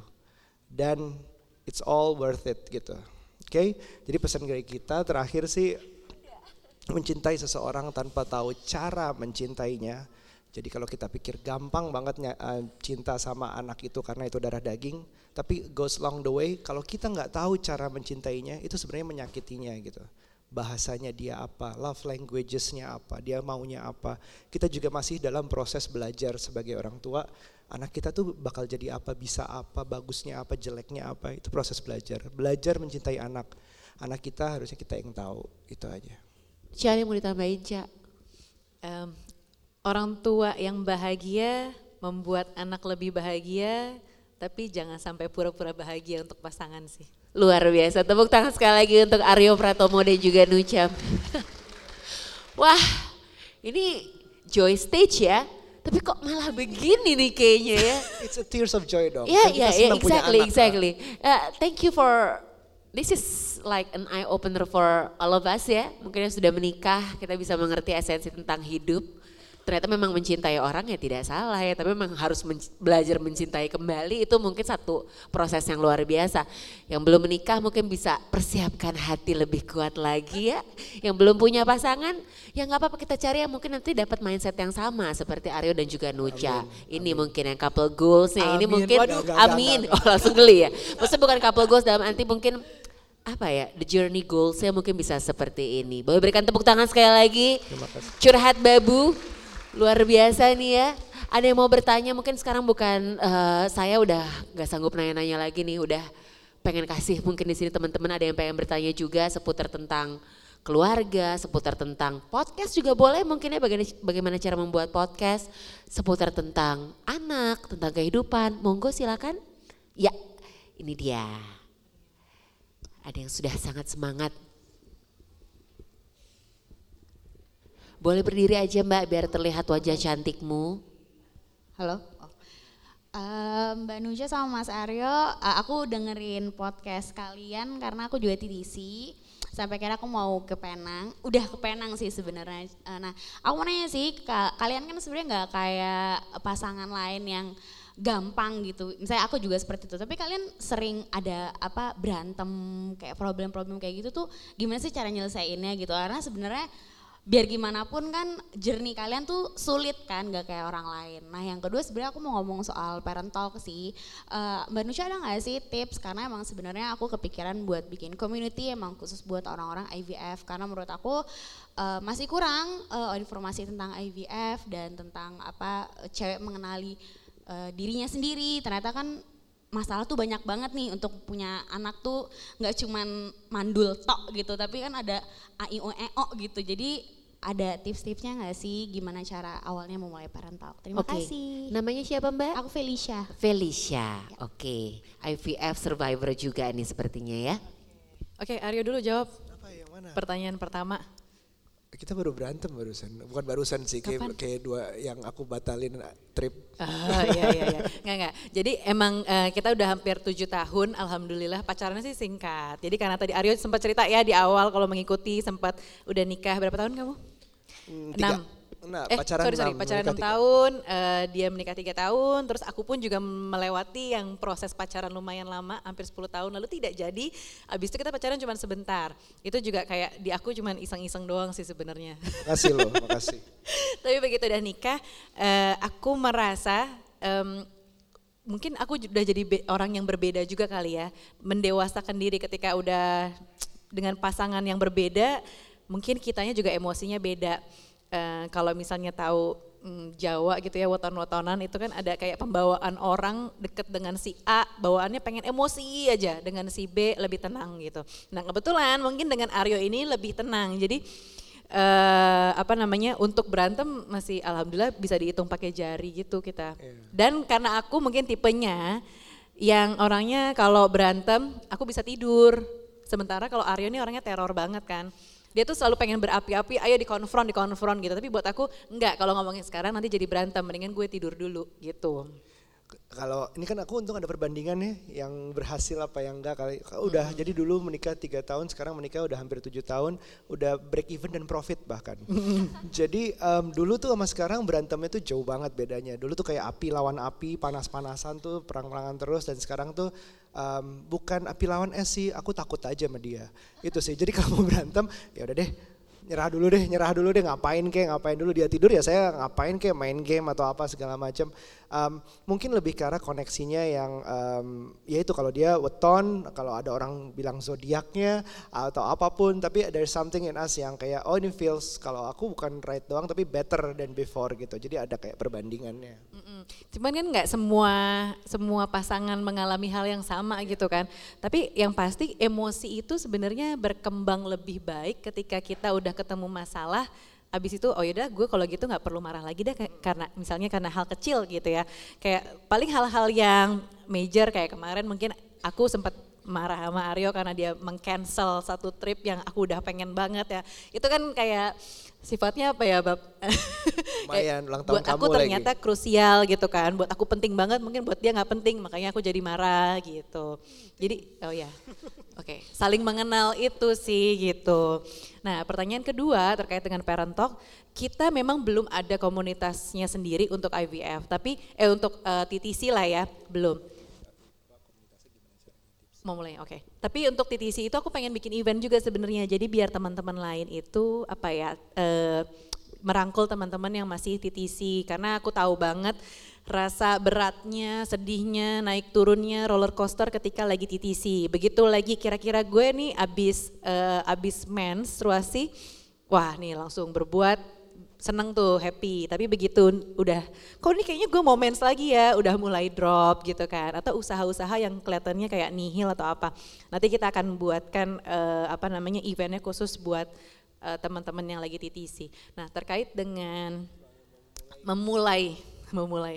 Memulainya sebenarnya simpel. Aku awalnya cuma bertiga mbak Eh, jadi aku terus partnerku partnerku ini eh, kalau di Parent Talk aku sebutnya Pak Minnya ya. Pak Min yang kebetulan sahabatnya Aryo sendiri sih. Jadi eh, emang kita berteman udah cukup lama terus dia yang justru di awal menginisiasi kita bikin yuk akun par- eh, akun parenting yang ada orangnya, istilahnya tuh ada figurnya gitu. Karena selama ini kan kalau kita lihat akun-akun parenting itu lebih ke mimin-mimin yang kita nggak tahu itu orang sebenarnya udah berpengalaman jadi orang tua belum sih, si orang ini udah menikah belum sih kayak gitu. Jadi kita bikin yang memang miminnya ya kita sendiri. Makanya kalau misalnya reply dari eh, akun parent talk, DM atau komen itu biasanya kita-kita sendiri nih, si Buminnya yang bales, Pak Minnya atau Mamin yang bales gitu. Nah di awal kita bikin cuman bertiga sampai akhirnya sekarang udah lumayan nih kita ber 15 sekarang gitu. Jadi udah ada udah ada teman-teman intern nih kebetulan ada timku parent talk mana nih? Tunjuk tangan. Nah, di sini nih ada Wih. empat orang. Tim ses juga ya, tim ses. ses gitu. Ada yang dari awal malah parent talk nih Nita desain. Jadi modelnya ada eh modal di awal parent talk adalah konten yang relevan yaitu tips-tips dari yang waktu itu aku share eh, kayak seputar ide kado melahirkan eh, ide kado untuk ibu yang baru melahirkan. Pada saat itu tuh belum banyak konten-konten yang kayak gitu. Itu pengalaman sendiri karena aku merasa yang paling dipakai ternyata kadonya ini-ini doang ya. Mohon maaf kado dari yang orang lain yang kayak A, B, C, D itu nggak kepake banget. Nah itu kejadikan konten dan ternyata konten-konten sepe- seperti itu malah jadi viral gitu. Aku juga nggak nyangka sih. Jadi selain kontennya udah kuat, didukung sama desain yang bagus mungkin jadi bikin orang tertarik untuk lihat gitu. Kalau sekarang dilihat sih sebenarnya udah banyak banget, udah makin bertambah akun-akun parenting yang pasti punya uniqueness masing-masing ya, entah itu dari angle ibu-ibunya, angle dari apa namanya couplesnya doang atau apa gitu ya, itu pasti udah berkembang lah gitu. Sudah terpuaskan Mbak Felicia fighting ya pokoknya. Ada lagi silakan yang mau bertanya yang di belakang. Boleh yang kedua yang ini dulu kemudian nanti sama Mbak yang di sebelah kiri ya. Um, siang. Siang, namanya siapa Mas? Uh, Hurama. Oke, okay, um, menarik sekali sih ya. Saya, saya tadi telat datangnya sebetulnya. Ya, jadi uh, kebetulan kan saya kan juga uh, menikah dengan istri kan belum dikaruniai anak, ya kan. Yang saya ingin nanyain tuh sebetulnya gini, uh, what you guys do? I mean like keeping a hope bahwa you guys will someday go through the level when you gonna have baby, right? Sekarang ini kita kan juga udah berusaha, maksudnya gini, uh, dan saya cowok ya ternyata Sekarang saya merasa cowok tuh mungkin lebih cuek gitu ketika tanya, kok nggak punya anak sih, kok belum dapat gitu. Tapi sekarang itu saya mungkin lebih sensi daripada bini saya.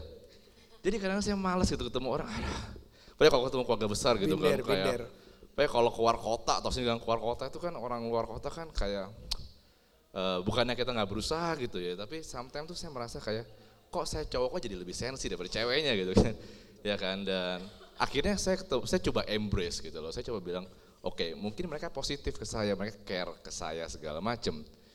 Uh, tapi kadang-kadang tuh terlalu banyak advice. Betul. Bro lu coba ke sini bro, lu coba ke sana bro. Akhirnya tuh membuat saya juga Betul. jadi makin depres. Apalagi jadi maksudnya gini, akhirnya kan kadang-kadang kan juga istri kan udah lewat uh, ini, eh dia cerita datang bulan lagi nih. Nah, saya kan sebagai cowok kan juga mesti meng, apa namanya?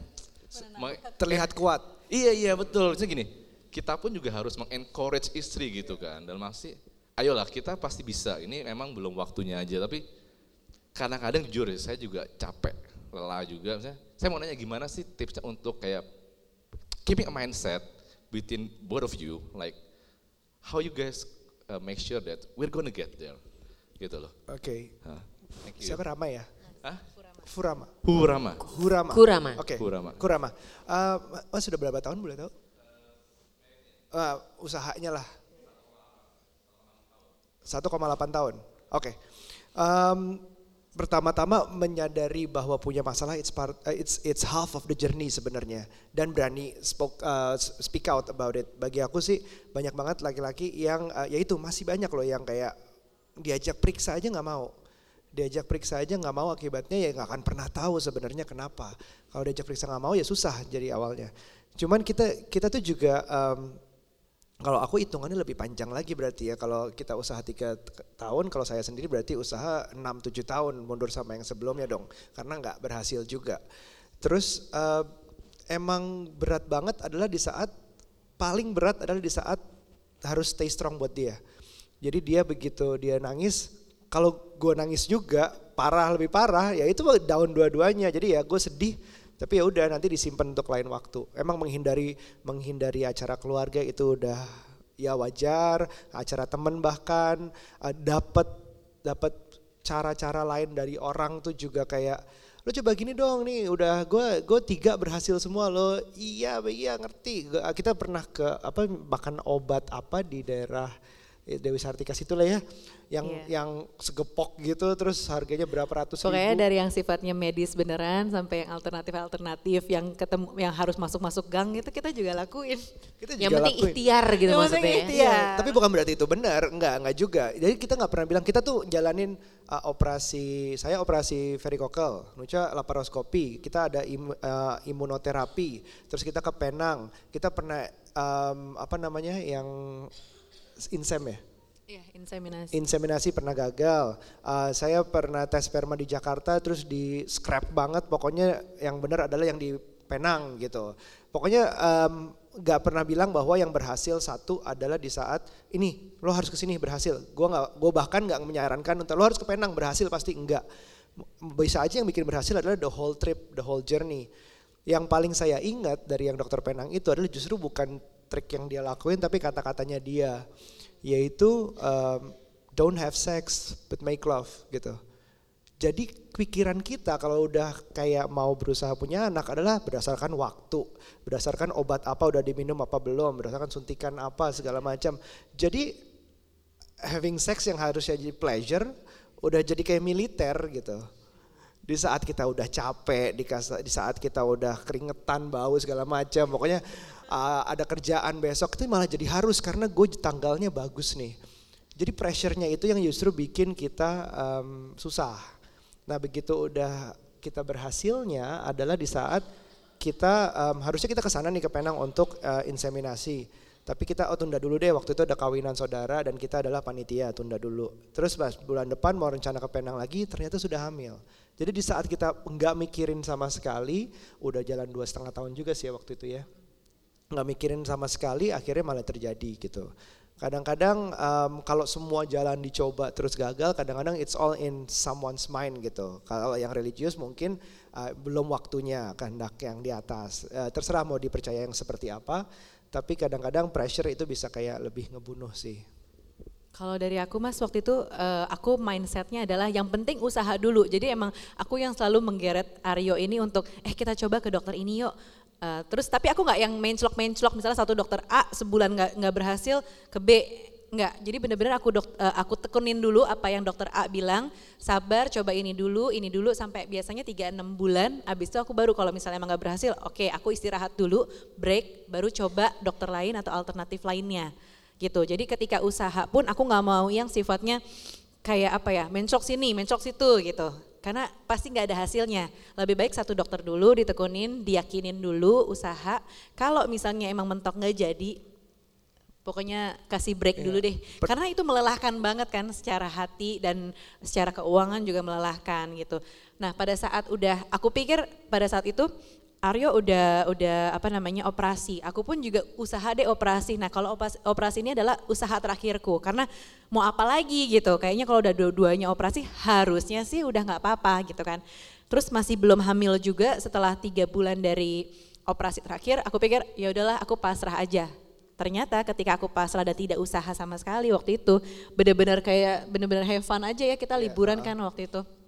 Terus malah alhamdulillah malah jadi dan normal gitu. Padahal dokternya juga udah nanyain kapan untuk datang lagi ke Penang. Coba kalau pendekatan medis udah dilakukan semuanya, ada juga pendekatan kayak spiritual, entah itu Yes. kalau ke agamanya, atau pendekatan holistik juga bisa. Jadi kayak lebih ke arah pikirannya mindfulnya tuh ke mana gitu. Jadi Mm-mm. ada yang kayak pertama kali kita kita juga ada pendekatan holistik. Waktu itu yang pertama, tapi itu sesudah sesudah hamil ya, iya. untuk menuju proses lahiran yang lebih holistik. Itu lebih kayak ngobrol, kayak kalian sebenarnya kenapa ada apa, pengen apanya, apanya. Jadi kayak lebih ke marriage counselor juga gitu kayak lebih ngomongin maunya apa afirmasinya apa Mm-mm. jadi kayak diajak ngomong ke diri sendiri juga lagi itu Yes. penting banget nanti Jadi itu juga mungkin bukan cuman eh, secara medis juga, tapi mungkin di diri kita ada sesuatu yang ngeblok gitu. Menurut kita sih, karena waktu itu aku yang holistik sebenarnya lebih perjalanan eh, ini yoga journeyku.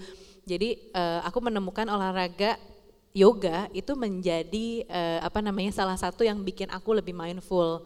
Dulu kan aku kayak buru-buru ambisi kok nggak punya anak juga ya udah tahun kedua, aduh bentar lagi tahun ketiga nanti orang ngomong apa. Jadi kayak pikiran kita nonstop gitu. Yang ternyata lewat olahraga yoga bikin kita lebih mindful, lebih berada di sini gitu. Dan di situ justru aku tuh aku sendiri ternyata punya connect kayak kayaknya gue hamil deh ini nggak taunya benar gitu. Dan itu tuh udah berapa bulan menjalani yoga ya. Ya mindful tuh juga kayak sadar sama diri sendiri banget kadang-kadang bisa tahu dia sakit dia hamil tuh kalau udah full mindfulnya udah pol banget tuh kayaknya kayak gitu Mm-mm. Dan begitu hamil, aku ikut hypnobirthing. Jadi nanti kalau misalnya abis ini hamil gitu ya mas, mungkin boleh coba hypnobirthing itu teknik untuk berbicara dengan janin gitu memastikan eh, pokoknya di- sering diajak ngobrol, diafirmasi dan lain-lain. Kalau misalnya lahirannya mau normal, mau apa itu bisa disampaikan loh. Jadi eh, aku aja nih untuk kasus yang anak kedua ini ceritanya aku ikut hypnobirthing dan aku coba ajak ngomong terus anakku untuk eh, lahirnya kalau bisa siang aja ya gitu. Dan kalau bisa normal aja. Dan benar eh, lahirnya itu siang. Karena waktu itu alasanku aduh kasihan kalau misalnya lahirnya malam nanti si kakak ditinggalin semalaman gitu kan. Kakak nggak bisa ikut ke rumah sakit gitu. Jadi kalau aku coba biar murah jadi aku coba ajak ngomong dan ternyata komunikasi itu alhamdulillah juga didengarkan oleh si bayi ini gitu. Jadi percaya hal-hal yang sifatnya medis atau misalnya ketuhanan gitu ya dengan sesuai dengan agama masing-masing dan juga secara holistik tuh pasti semuanya akan terkait sih. the whole circle. Ya. Oke, semoga terpuaskan ya dan semoga menjadi eye opener buat kita semua. Selanjutnya silakan yang pakai kacamata. Boleh berdiri aja ya Mbak ya. Namanya siapa Mbak? Halo kak, aku Bonita. Bonita. Ya. Oke. Eh, Eh, dari tadi kan pertanyaannya lebih ke orang yang udah menikah, orang yang udah jadi orang tua. Aku mau dari sisi aku masih belum menikah.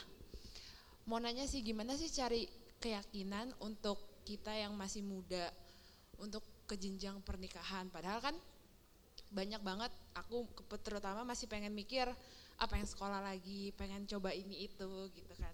Terus eh, nanti nikah gimana, punya anak, kalau misalnya punya anaknya cepet, uangnya belum ada dan lain-lain tuh gimana sih cara buat yakinin kita, apalagi milenial kan boros dan lain-lain gitu kan. Jadi aku tuh masih belum punya pikiran nanti anak, aduh sekolah mahal dan lain-lain gitu. Sekolah mahal banget sih, Cik gitu ya, gue langsung Itu sekolah sih. mahal banget sih. Usia berapa Bonita? Dua empat. Udah ada calon? Ini yang sebelah. Di sebelah ya. bukan? Oh. Kayak gitu, jadi mau nyari yakinnya tuh gimana sih gitu. Iya, iya. Udah berapa lama pacaran? Eh, tiga tahun. Dan Oke. orang tua tuh udah nanya kayak kapan, udah lama gitu. Padahal kita kayak kita masih kecil gitu. Gitu aja sih. Makasih ya. Ini cowoknya juga mikir yang sama? Sama, makanya dia nggak mau nanya aku aja yang Oh diwakilkan, Ini udah sama nih nih, udah mindful bersama Iya, nih bener, kayaknya ya. Kamu duluan. Udah gimana Nucha? Nucha dulu mungkin. Ah, aku pernah gagal sih. Jadi kayaknya udah pernah udah ya, sok yakin saat itu akhirnya ternyata enggak. Jadi kayak dulu tuh ada yang yang aku sadar sesudahnya adalah uh, aku nggak bisa membedakan mana itu kode, mana itu ujian gitu. Mana itu kode yang kayak bahwa dibilang um, ujian tuh misalnya kayak lebih ke arah uh, ah, ini kalau kita siapin pernikahan tuh misalnya oh da- tanggalnya cetaknya salah, undangannya kurang, dekornya nih telat datangnya, itu bersifat teknikal. Tapi kalau yang bersifat prinsipal seperti perbedaan agama, perbedaan uh, tujuan hidup, bahkan sama agamanya aja itu levelnya udah beda loh. Agama A aja bisa bercabang berapa banyak gitu. Jadi kalau udah yang berbau prinsipal, kalau gue dulu sampai udah backstreet, udah orang tuanya berantem ya bu ya, terus udah udah parah banget. Akhirnya yang pertama itu nggak di, Eh, eh, gue nggak dinikahin sama bapaknya gitu, sampai segitunya. Tapi kita maksain banget, kita nggak percaya. Kita oh ini cuman ujian doang. Kalau if we get through this, we get through everything gitu. Kan sombong kan, masih kecil. Ternyata sebaliknya. Jadi kalau pertama sih kalau aku punya masalah-masalah yang bersifat kode atau ujian itu bisa dibedakan, itu knowing that she's the one. Tapi kalau diri sendiri itu udah siap apa belum, ya tergantung. Harusnya sih selesai dengan diri sendiri. Um, gue boleh bilang kalau kayak nakal dulu gak sih kayak jadi kayak banyak banget yang menikah tuh kayak um, kecepatan dia belum selesai sama dirinya sendiri terus dia mau mencoba banyak hal lain. Itu dilakukan sesudah menikah justru lebih berbahaya daripada dilakukan sebelum menikah. Uh, I'm not talking just about those intimacy tapi banyak banget hal yang kayak udah coba uh, ker- keluar negeri belum kerja di luar atau enggak udah coba uh, main sama si ini belum banyak banget yang mungkin belum selesai then hold it gitu Um, mungkin angka, angka perceraian katanya sekarang naik, tapi belum tentu it's a bad thing juga, karena mungkin banyak banget yang staying together for the kids itu juga ada gitu. Jadi kalau sekarang mungkin lebih terbuka, lebih mau terima ya udah gue cerai aja daripada gue nggak bahagia. Sekarang kan lebih mementingkan kebahagiaan. Yang harus dipikirkan adalah pertama dirinya sendiri sudah selesai belum sama dirinya masing-masing. Kedua kalau udah tahu ini the one ya aku aku sih pakai yang kode atau ujian itu. Setiap masalah yang terjadi itu hanya bersifat teknikal. Ah, ini we can get through this atau ini prinsipal banget yang udah nggak bener nih harusnya kita ini kode dari yang di atas atau dari mana bahwa she's not the one atau he's not the one. Kalau kamu? Mbak Bonita masih 24 ya? Enggak, itu enggak kecil sih sebenarnya. Dulu aku juga rencananya mau nikah umur 24 gitu, tapi enggak jadi. Eh sebenarnya gini, jangan menikah karena umur yang pasti. Misalnya seolah-olah bahwa umur 25 tuh nanti ada midlife crisis, jadi lebih baik aku menikah secepatnya gitu. Pokoknya jangan ada patokan menikah harus lebih cepat atau lebih lambat gitu ya. Jangan sih menikmati umur, menikmati karir tuh kayaknya enak banget. Dulu aku juga tipe yang ambisius harus mengejar karir, gue harus punya mobil dulu atau rumah dulu, gue harus eh, apa namanya misalnya ibu gue haji dulu atau apa kayak gitu. Banyak banget ambisi yang belum selesai. Tapi kalau soal kerjaan nggak bakal selesai-selesai sih kalau diturutin. Jadi kalau misalnya pasangannya mas kan udah ada juga nih, yang pasti menikah jangan karena umur. Dan kalau misalnya restu orang tua itu udah paling benar sih. Kalau misalnya salah satu keluarga atau orang tua ada yang nggak restu, Walaupun itu mau dibilangnya enggak itu ujian aja, tapi aku percaya karena aku gagal menikah ya waktu itu kan aku mau nikah terus nggak jadi gitu ya. Aku yakin itu salah satunya adalah restu orang tua. Jadi kalaupun orang tua, kadang kan orang tua karena mungkin saking sayangnya sama kita ya, jadi seolah-olah bilang iya eh, nggak apa-apa, eh, papa restu, mama restu gitu. Padahal mungkin di hatinya tuh mengganjal gitu. Jangan sampai ada salah satu pihak orang tua yang mengganjal yang sebenarnya nantinya tuh bisa bikin pernikahan tuh menghambat gitu. Jadi kalau misalnya restunya udah benar-benar tulus, terus misalnya udah cukup apa umurnya dan udah cukup emosinya, karena emosi itu bukan cuman sama pasangan kalau udah nikah. Hmm, punya anak itu emosinya double, triple. Ternyata aku bisa lebih emosi lagi gitu. Jadi uh, dituntaskan dulu untuk yang target-target umur, terus emo, latihan emosinya, terus restu tuh yang tulus udah dapet ya nanti akan yeah. kelihatan sendiri sih gitu kalau untuk oh ini mungkin he's the one atau she's the one. Masalah restu juga setuju banget sih. Nyokap juga udah berusaha kayak break it off udah lama banget kayak nggak setuju gitu sebenarnya tapi akhirnya ya karena sayangnya banget sama gue ya iya aja. Nah, gue juga ke dia terus akhirnya apanya um, ini Duda masih diterima apa enggak ya bapaknya dia tuh cukup Jawa yang konservatif banget. Duda terima tapi ternyata kalau jalannya udah oke itu nggak nggak ada masalah sama sekali malah langsung di oh ya deh oke okay. langsung di kayak di encourage gitu intinya bukan nikah tua nikah muda tapi nikah dewasa sih jadi masalah dewasa umur berapa kalian itu ya ditentukan sendiri I don't know gitu jangan menikah karena umur karena umur memang cuma angka dewasa itu pilihan iya, hidup ya betul. ini saya ada satu hal yang sangat menarik sebenarnya ya. Ini nggak ada di skrip juga. Ini kalau boleh saya nanya dulu sama Aryo sama Nucha. Ini melihat seorang ibu, tante, tantenya Aryo luar biasa yang menonton pertama kali ya tante ya. Pertama kali menonton Aryo dan saya pengen nanya sih sebenarnya, tante bagaimana sih perasaannya melihat Aryo dan Nucha di pernikahan yang sudah tujuh tahun ini, kemudian ternyata pernikahan yang tujuh tahun ini di share gitu kan ke halayak ramai yang mungkin belum kenal ya satu sama lain gitu kan. Tante boleh saya uh, kalau tidak mengurangi rasa hormat untuk bisa menjawab pertanyaan tadi Tante? Waduh, pertama kali gitu dong. Boleh tepuk tangan untuk ibunya Aryo Pratomo. Terima kasih banyak sekali lagi sudah hadir Tante. Gimana ya? Saya sih bahagia banget ya dengan pernikahan mereka. Saya merasa bahwa perceraian tidak selamanya suatu keburukan atau kegagalan tapi itu adalah awal dari suatu kebahagiaan yang lain dan kesuksesan yang lain. Jadi Aryo dan Nuca itu betul-betul istilahnya jodoh lah kata kata yang di atas. Amin ya robbal alamin. Ini karena restu dari tante kalau kayak gitu ya tante ya. Apalagi dengan dua anak yang manis-manis. Iya, atau mungkin mau nambah satu cucu laki-laki tante. Enggak, enggak, enggak Udah dapat dua usah. dari Amin. Aryo bilang langsung amin. Terima kasih banyak tante. Berikan tepuk tangan sekali lagi untuk Aryo Pratomo dan juga Nucha Bahri. Ini curhat babu yang luar biasa ya. Thank you so much. Ini breathtaking journey juga buat semuanya, khususnya juga buat saya. Terima kasih banyak sudah. Tapi sebelum kita udahan nih ayo ya Cia ya. Di sini kan momen sekali sumur hidup nih, podcast juga bareng-bareng, live bareng-bareng. Jadi kita mau ngajakin semua yang hadir di sini. Tante kalau tidak uh, tidak repot boleh naik ke atas juga tante. Kita berfoto bersama juga tante. Ini juga part dari curhat babu. Kalau nggak ada ibunya Aryo nggak akan ada Aryo Pratomo tentunya kan. Silakan tante boleh saya jemput. Dan untuk teman-teman semuanya boleh silakan kita ke tengah yuk. Untuk Bapak Ibu uh, nasabah Permata Priority apa yang saya hormati, boleh ke tengah yuk kita sama-sama mau wifi ya.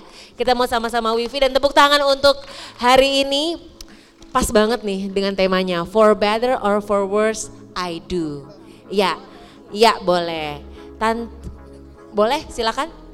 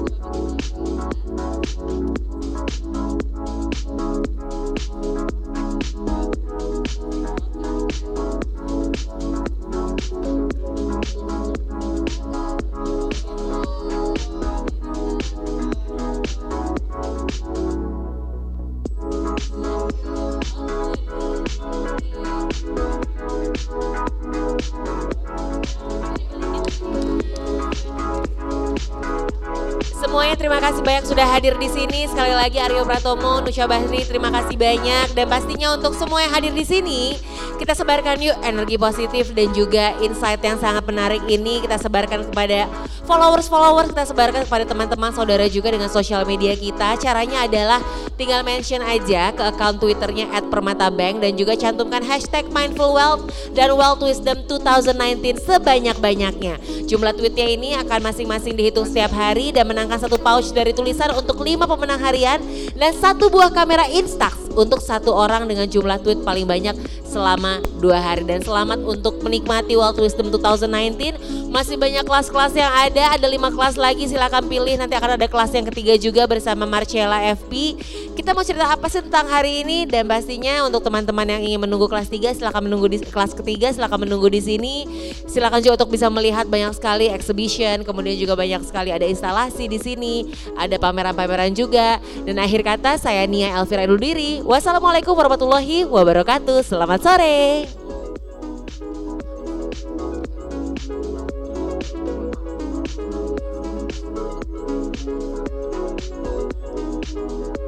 充分。